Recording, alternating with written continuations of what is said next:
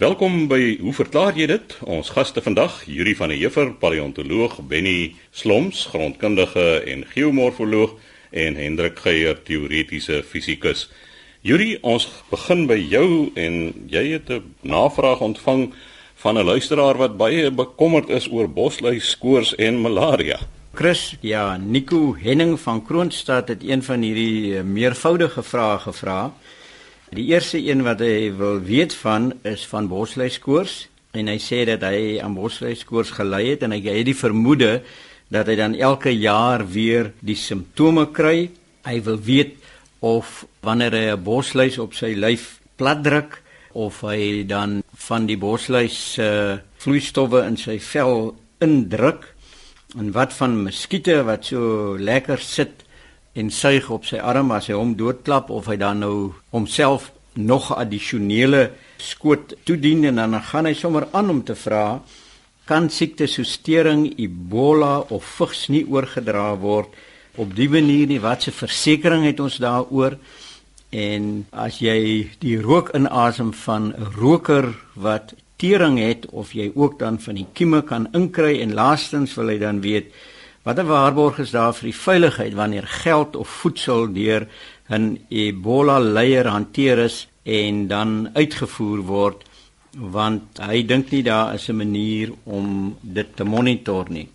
Nou Nico, dis 'n mondvol wat jy gevra het. Ek sal probeer om so gou as moontlik dan iets daaroor te sê. In die eerste plek is daar twee weergawe van bosluiskoors. Ons praat van bosluiskoors en bosluisbuitkoors en uh plaaslike veearts hier op Stellenbosch dokter MC Franken het my ingelig dat honde beide van hierdie siektes kan opdoen. Bosluiskoors en bosluis bytkoors en dokter Erik van Sail wat hy my na toe verwys het is iemand ook 'n dokter op Stellenbosch en wat volgens hom al 20 jaar betrokke is by die bestryding van bosluis bytkoors want dit is die weergawe blykbaar wat mense kan kry. Dit word veroorsaak deur die bakterie Rickettsia en dit is die een wat mense kry die bosluis bytkoors. Nou volgens hom en hy sê hy kan dit baseer op 20 jaar se waarneming van hierdie siekte is daar nie 'n kroniese herhaling van die siekte nie. So hy reken jy kry nie herhaaldelik op 'n uh, jaarlikse basis die simptome wat weer verskyn nie. Wat hy wel gesê het is dat jy die siekte weer kan opdoen. Maar ek het ook so 'n bietjie op die internet gaan rondkrap en die manne wat met die 4x4 voertuie rondry in die bosse, dis dikwels baie sensitief vir hierdie soort siektes En uh, die storie lê ook daar rond dat 'n mens van die simptome kan kry alhoewel party van hulle en ek dink die een wat ek opgetel het was 'n mediese dokter wat gesê dit is miskien simptome van 'n ander siekte dat dit nie noodwendig soos malaria is wat jy herhaaldelik kry nie. So jy het definitief bosluis bytkoors gehad en wanneer jy nou 'n bosluis op jou arm fyn druk teen daai tyd het jy jou reeds gebyt daar is al van die bakterieë in jou bloedstroom so dit maak seker nie saak of jy nou die muskiet of die bosluis op jou liggaam plat druk nie jy is waarskynlik reeds geïnfekteer wat tering betref waaroor jy vra tering is 'n bakteriese infeksie en uh, tipies doen 'n mens tering op as jy lug inasem wat 'n besmette persoon uitgeasem het en dit kan gebeur as die persoon in jou teenwoordigheid hoes of praat of sing of selfs nies. So om tuberkulose op te doen, moet die kieme in uitgeasemde lug aanwesig wees. Nou die mediese opinie hier is dat jy dit nie kan opdoen as iemand jou soen nie of net omhels nie, selfs wanneer jy 'n tandeborsel deel en ek weet nie hoekom enige mens so iets sou wou doen nie maar jy kan nie tering opdoen deur iemand se tandeborsel te gebruik nie of selfs nie eers as jy uh, eetgerei gebruik om te eet en drink nadat 'n geïnfekteerde persoon dit gebruik het nie. Jy kan dit nie opdoen deur hande te skud met so 'n persoon nie of klere of 'n bed te deel nie of selfs dieselfde toilet of handdoeke te gebruik nie. Die goeie nuus hier is dat nie almal wat geïnfekteer word tering kry nie want daar is 'n persentasie gegee so iets soos minder as 10% van die mense wat geïnfekteer word, die kry tuberkulose En die rede daarvoor is dat as 'n mens se immuniteit sterk is, as jy 'n gesonde leefwyse lei en jy gesond eet, dan het jou liggaam 'n natuurlike weerstand teen tuberkulose en dit is hoekom mense dikwels tuberkulose kry in gebiede waar daar wanvoeding bestaan onder arme mense waar daar nie genoeg gesondheidsdienste is nie. Een van die klassieke gevalle is natuurlik die hierdaagse tronke in Rusland want uh, deesdae het jy 'n klomp misdadigers ook maar soos by ons maar ons wil nie van Suid-Afrika praat nie ons pak liewer die skuld op Rusland as jy nou sakkerollers en hierdie uh, kleinerige misdadigers het wat van tyd tot tyd tronk toe gestuur word Hulle leef dikwels in swak omstandighede. Hulle bring tuberkulose tronk toe, word daar behandel, maar word ontslaan voordat die behandeling voltooi is.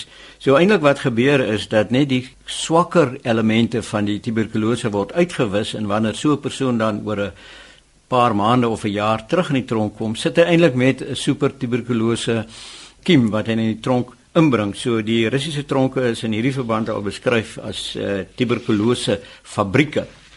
Wat Ebola betref is iets heeltemal anderster. Soos jy weet, is dit vernoem na die Ebola rivier en dis 'n virus wat mense besmet en die algemene idee nou is dat mense die infeksie primêr kry as gevolg van die feit dat mense in daai wêrelddeel vleermuise en ape die sogenaamde bosvleis eet of aan hierdie diere raak. So die oordrag van die Ebola virus is met direkte kontak.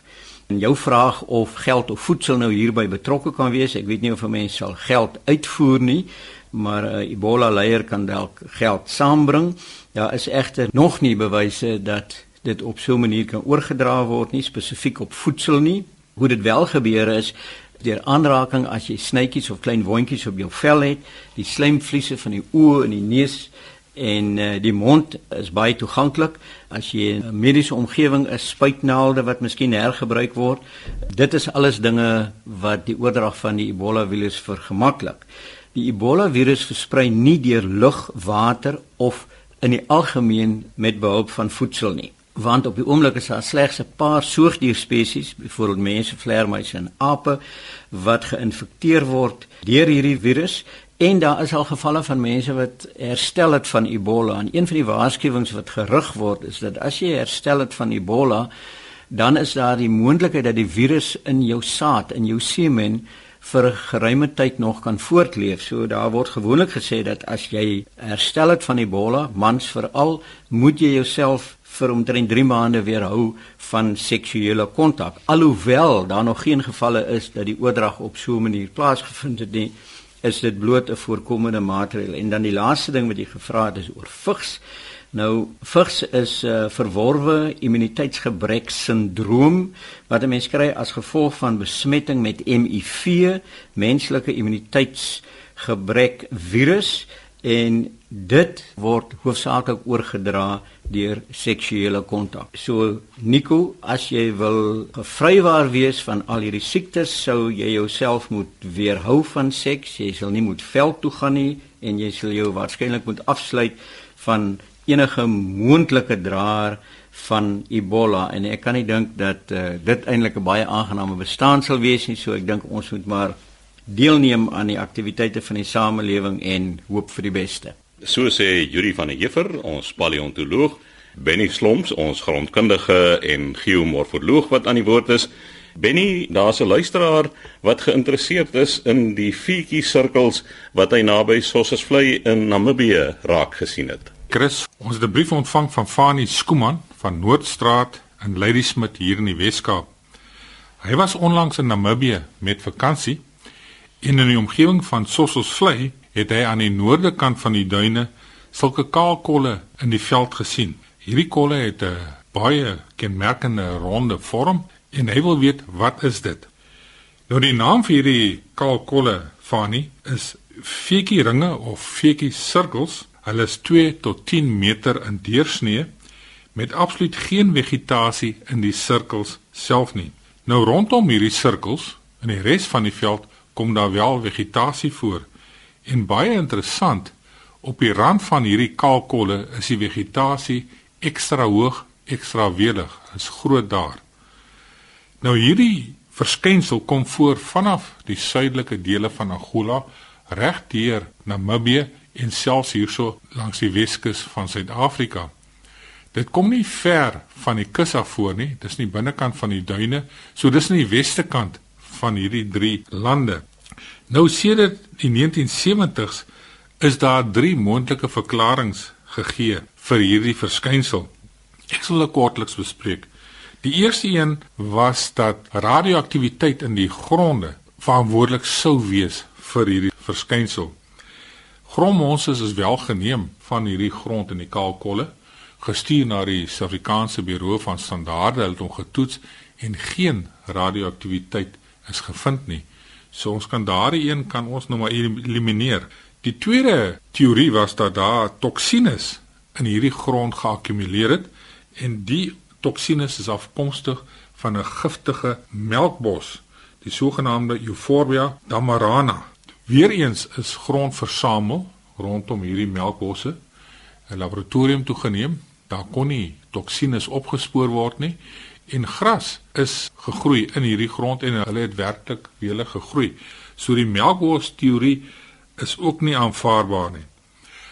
'n Derde teorie, dit is as gevolg van die werking van termiete. Soortgelyk aan die verskynsel wat ons hier in die Weskaap kry, waar ons die heuweltjies het waar ons weet dat dit termiete was wat daardie heuwels gevorm het die indra van organiese materiaal daar die ophoping van grond daar maar hierdie is ander termiete. Ons gaan net nou daarby uitkom. So het 'n span van tikkies van die universiteit van Pretoria gegaan en gaan kyk wat is die werklike rede vir hierdie kalkolle? En professor Gretel van Rooyen en kollegas van die departement chemie is toe soontoe en hulle het die hipotese gaan toets of hierdie verskynsel nie te doen het met die opwelling van aardgasse in die kaal kolonie. So die teorie was, die hipotese was dat daar is een of ander bron van aardgas en dan langs skeure en nate, ek weet nie presies hoe nie, dan dop hierdie gas uit aan die oppervlakte, dit dop uit dit veroorsaak dat daar suurstoftekort is en dit is hoekom die plante nie groei nie. Nou ehm uh, hulle het gegaan met 'n uh, gesofistikeerde apparaat en hulle het probeer van die gasse opvang wat kwansuis so opstyg deur die grond en verantwoordelik is vir hierdie verskynsel. En anders het gesê dit is van geochemiese oorsprong hierdie gasse en ons weet daar's gasvelde langs die kus van Namibië. Hulle het ook gekyk na die moontlikheid van anaerobe bakterieë wat dalk in hierdie kolle voorkom wat vir jou groot hoeveelheid stikstofdioksied, selfs stikstofmonoksied produseer wat 'n suurstoftekort veroorsaak in die kolle.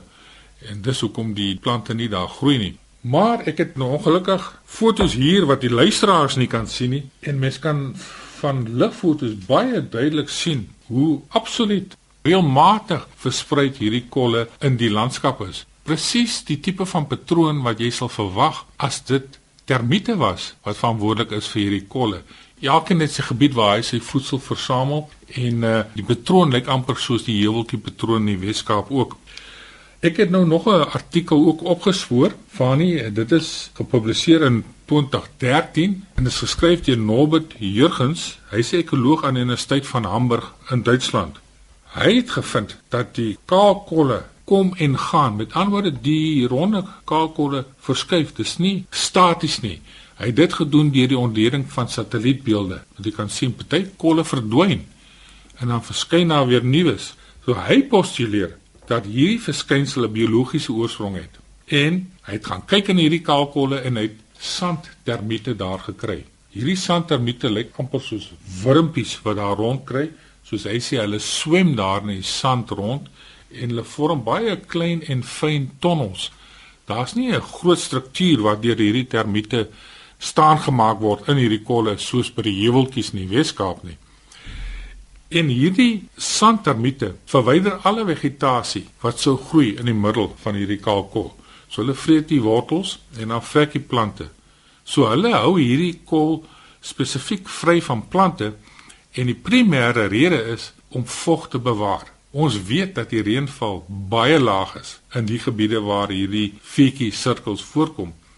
So indien jy 'n kaal oppervlak het en dis maar medium tot grove sande wat daar lê, die bietjie water wat daar val en infiltreer, die verdamp moeilik omdat die grouwe sande kapillêre stygings en verdamping van die water baie moeilik maak. So hulle skep daar 'n vogtige omgewing waar hulle beter kan oorleef. Dit gaan primêr oor vogbewaring in die medium waar hulle oorleef. Die groter plante wat 'n mens kry reg rondom hierdie sirkel is as gevolg van die plante wat daar staan op die rand van die sirkel geen kompetisie het vir vog aan die binnekant van die sirkel nie. Dit is hoekom hulle meer wele groei.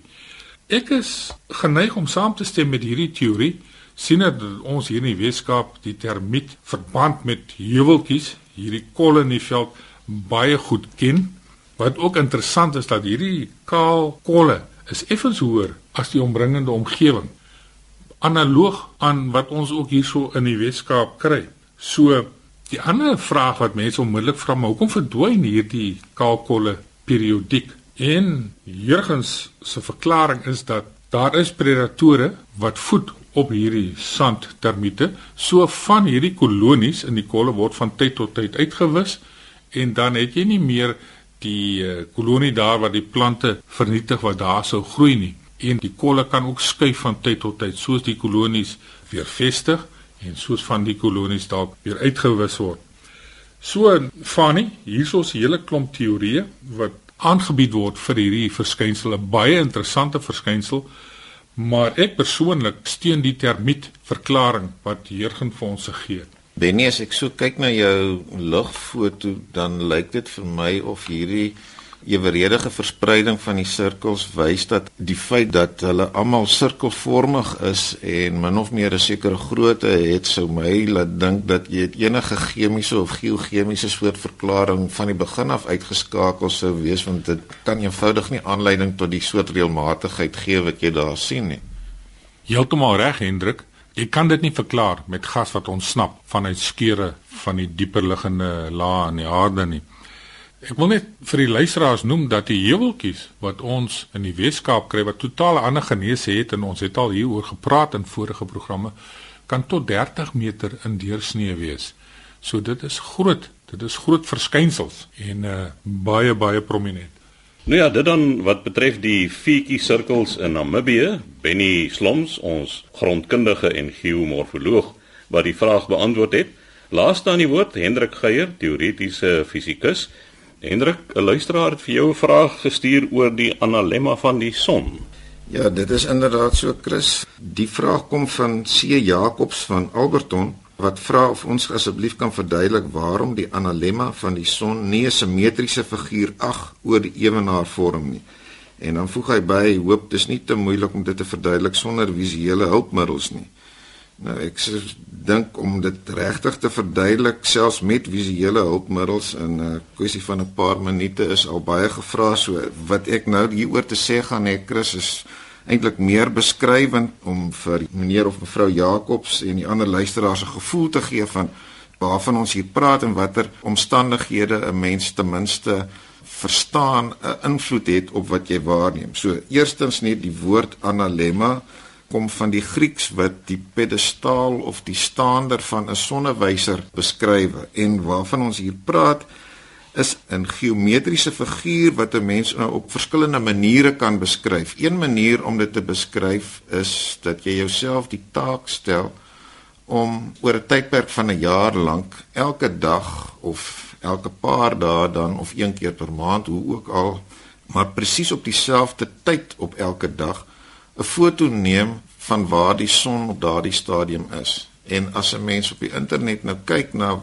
fotos, sommige waarvan bestaan deurdat daar op fotos die resultaat van berekeninge aangebring is en ander letterlik fotos, dan sien jy hierdie tipiese figuur ag patroon wat nou deur die son soos wat jy hom volg deur die loop van die jaar in die hemelruim as dit ware uitstippel. En hoe meer fotos jy natuurlik neem en op mekaar superponeer hoe meer aaneenlopend gaan die lyn wees. Maar een keer per maand met ander woorde 12 fotos van die son gee jou al 'n goeie aanduiding van hoe hierdie patroon lyk. Nou terug by die beskrywing. Wat 'n mens nou sien hang af van watter halfrond jy hierdie waarneming in doen. So in die noordelike halfrond sien 'n mens tipies 'n figuur 8 patroon waarvan die boonste lus 'n bietjie kleiner is of heelwat kleiner is as die onderste lus en die 8 lê so bietjie op sy sy en dit hang weer af van die breedtegraad waarop jy die waarneming doen. So as 'n mens nou verskillende situasies met mekaar gaan vergelyk, dan is dit so dat as jy hierdie oefening voor ek hierby kom, Chris net 'n tweede manier waarop 'n mens dieselfde figuur kan bewerkstellig as jy nou nie in staat is of toegerus is om oor 'n lang tydperk elke dag 'n foto van die son te neem nie, dan kan jy dit ook doen deur na 'n skadukol te kyk. En wat 'n mens dan eenvoudig doen is om 'n paal so 'n meter of 2 in die grond in te slaan en dan op dieselfde tyd elke dag oor die verloop van 'n jaar sê maar 'n tweede pennetjie in te kap by die punt van die skaduwee en daardie reeks pennetjies wat jy so ingekap het, sal vir jou presies dieselfde ag tipe figuur gee. Nou terug by wat 'n mens nou op verskillende plekke op die aardbol waarneem. As 'n mens by die noordpool is, dan het hierdie figuur 8 analemma presies regop gedraai en sien 'n mens net die bokant van hierdie lus uitsteek. Jy kan nie die volle figuur 8 sien nie. As jy nou verder suid begin beweeg en oor die arktiese sirkel gaan, dan begin jy die volle figuur 8 sien en hy draai al hoe skynser na mate jy die ewenaar bereik. En by die ewenaar lê hierdie figuur ag net mooi plat op sy sy. En as jy dan verder koers kry in die rigting van die noordpool dan draai die groot en die klein lussies om. Dan sit die groot lus aan die bokant en die klein lussie aan die onderkant nou daar's twee aspekte wat die voorkoms van hierdie geometriese figuur beïnvloed en miskien sal dit help as ek op hierdie stadium daarna verwys dat hierdie figuur wat afhang van nommer 1 die feit dat die aarde se rotasie is skuins hang as ons dit so kan stel in die vlak waarin die aarde om die son roteer. Ons weet almal daardie hoek is die primêre rede hoekom ons hoegenaamd die verskynsel van seisoene het en dit is 23 en 'n half grade. Ben jy dit reg? So dis een aspek. Die ander aspek is die feit dat die baan van die aarde om die son nie 'n perfekte sirkel is nie. Dit is baie na aan 'n sirkel, maar in tegniese terme kan 'n mens praat van die eksentrisiteit van die aarde. Dit is as dit ware 'n maatstaf van die afwyking van 'n perfekte sirkel, so 'n ellips na mate dit platter en platter is, se eksentrisiteit word al hoe groter. Die aarde se eksentrisiteit is maar 0.0167. So dit is feitelik 'n sirkel. In afstandterme kan 'n mens daarna verwys dat die sogenaamde perihelion of die afstand waarop die aarde die naaste aan die son is, is omtrent 147 miljoen kilometer en by aphelion, dit wil sê waar die aarde op die verste van die son is, omtrent 152 miljoen kilometer. So 'n variasie van min of meer 5 miljoen kilometer oor 'n gemiddelde afstand van omtrent 150 miljoen kilometer. Maar daardie variasie hang saam daarmee dat wanneer die aarde op sy naaste aan die son is, is dit besig om in sy baan 'n klein bietjie vinniger te beweeg as wanneer hy byvoorbeeld op sy verste weg van die son is. So hierdie twee aspekte dra by tot die presiese geometriese figuur waarvan ons praat as ons van 'n analemma praat. Nou, dit kan 'n mens kontrasteer met wanneer jy dieselfde oefening op 'n paar van die ander planete sou doen. So byvoorbeeld, as 'n mens dit op Venus sou doen, dan kry jy 'n ellips. As jy dit op Mars doen, kry jy iets wat meer lyk soos 'n traandruppel en as jy dit op Mercurius doen, dan kry jy eintlik net 'n enkele punt. So dit is 'n baie subtiele samehang tussen die feit dat die aarde se rotasie as nie loodreg op die rotasievlak is waarin dit om die son beweeg nie en die feit dat die aarde op verskillende plekke in sy baan effentjies vinniger en effentjies stadiger beweeg. Om net weer terug te kom by die kwessie van die perfekte sirkel as 'n mens en hier sou dit nou inderdaad nuttig gewees het meneer of mevrou Jacobs as ons wel 'n paar figure met die luisteraars kon deel, dan kan 'n mens wys dat as die aarde inderdaad in 'n perfekte sirkel om die son sou beweeg het, dan sou hierdie patroon wat die son uitstippel 'n reguit lyn gewees het wat net tussen die twee dag en nag eweninge gewissel het. Met ander woorde, van die somer wanneer ons die langste dag en kortste nag het en omgekeerd in die winter. So meneer of mevrou Jacobs, in die eerste plek is dit nie vir my heeltemal duidelik hoekom jy die verwagting gehad het dat daar 'n simmetriese figuur ag oor die ewenaar sou vorm nie soos ek probeer beduie het wat wel gebeur na mate mens hierdie waarneming van die noordpool oor die ewenaar na die suidpool skuif is die hoek waar teen hierdie ag met die een kleiner lus as die ander in die lug of op die grond vorm een wat sistematies verander sodat wanneer 'n mens by die ewenaar die waarneming doen hierdie ag presies op sy sy lê maar die feit dat die aarde nog steeds 'n rotasie as het wat skuins lê in sy rotasiebaan vlak om die son en die feit dat daar sprake is van effense verandering in die spoed waarmee die aarde besig is om op 'n gegeewe stadium om die son te beweeg dit is primêr wat aanleiding gee tot die vorm van die figuur 8 en dus sou die waarneming op die ewenaar nie noodwendig 'n verdere simmetrie in die vorm van hierdie 8 met ander woorde ewe groot lusse bo en onder bewerkstellig het nie So Chris ek is bevrees die feit dat ons hier tot die radiogolwe en nie oor die televisie kan kommunikeer nie pootjie ons so bietjie maar ek nooi luisteraars uit om maar 'n bietjie op die internet te gaan rondkrap. Daar is inderdaad pragtige illustrasies hiervan en hulle is ook minder en meer tegnies so vir die wat 'n bietjie meer tegnies georiënteerd is, is daar heeltemal genoeg om hulle mee besig te hou. Ja, ongelukkig het die tyd ons ook ingehaal daar. Dit was dan Hendrik Geier, ons teoretiese fisikus. Skryf gerus aan ons by hoe verklaar jy dit? Posbus 2551 Kaapstad 8000 of rig 'n e-pos aan chris@rsg.co.za.